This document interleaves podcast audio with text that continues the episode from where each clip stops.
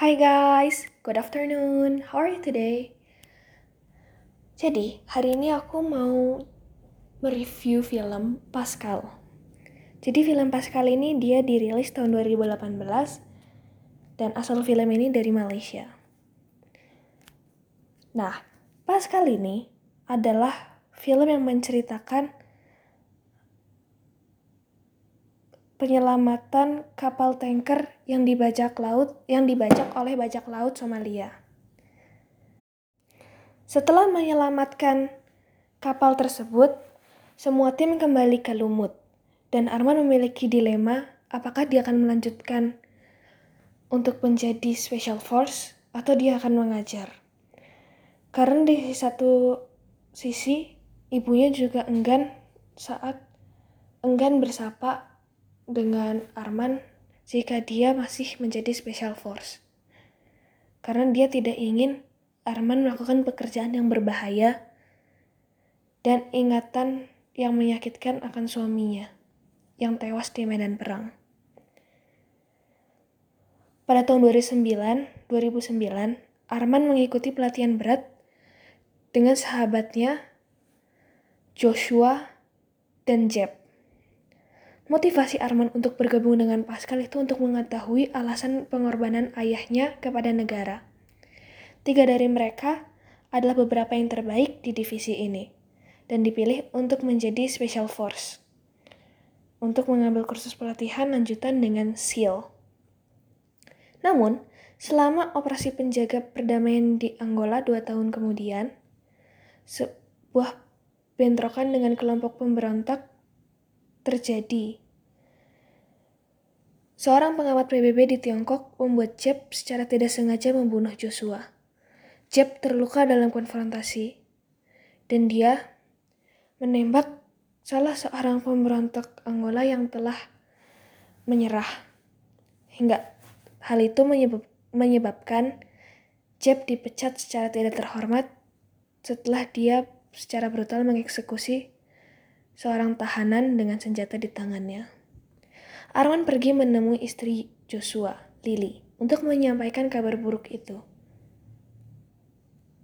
Arman terus merawat istri dan satu-satunya putra Joshua yang juga menjalin hubungan dekat dengan ibunya. Meskipun mengirimkan permintaan pengunduran dirinya, Masnan, Komandan Masnan, merekrutnya dalam misi intelijen di kota Kinabalu sebagai pesta perpisahan. Dia dan timnya dipercaya untuk menangkap seorang pemimpin bajak laut bernama Rudi Rusli Parjo berpartisipasi dalam pembajakan MT Orkim Harmoni. Namun rencana itu digagalkan setelah Arman mengetahui bahwa Jeb adalah kontakan Rudi. Kecemburuan Jeb atas prestasi Arman dan permusuhannya yang nyata terhadap sistem angkatan laut tidak setuju dengan Arman sejak ia dilatih. Dan ini Semakin membuat buruk keadaan ketika Jeb mulai mengejar Lily sebagai peringatan yang jelas bagi Arman untuk menjauh.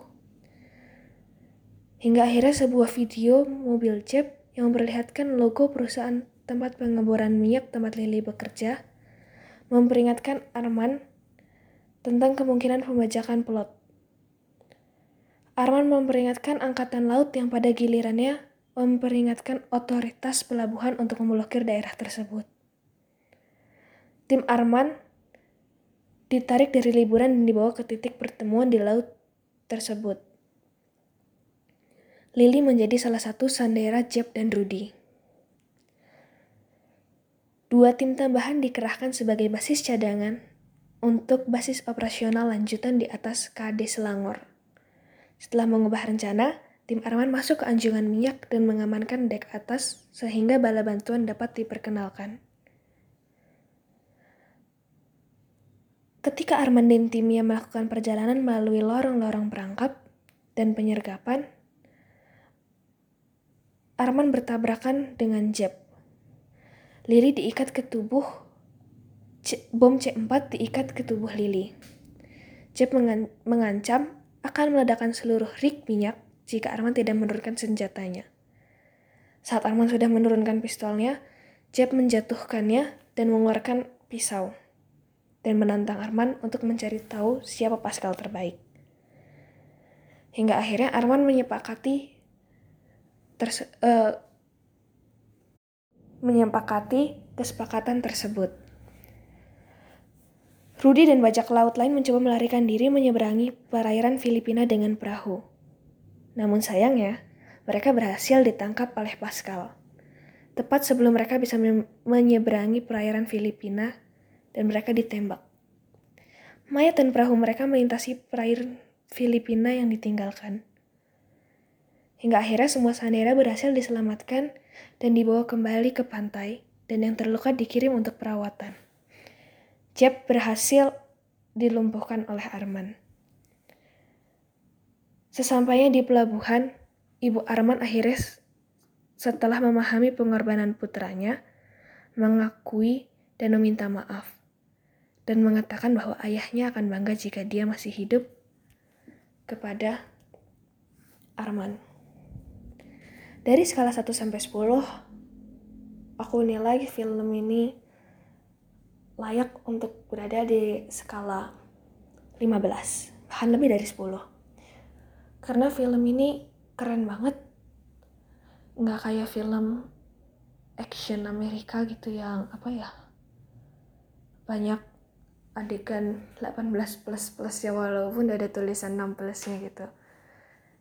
Dan ini tuh dia ada cerita tentang persahabatan juga di sini. Dan pokoknya keren banget lah. Dan kalian harus nonton di Netflix. Netflix juga ada. Jadi jangan lupa nonton dan stay safe at home. Sekian dari aku Ri. See you tomorrow. Bye bye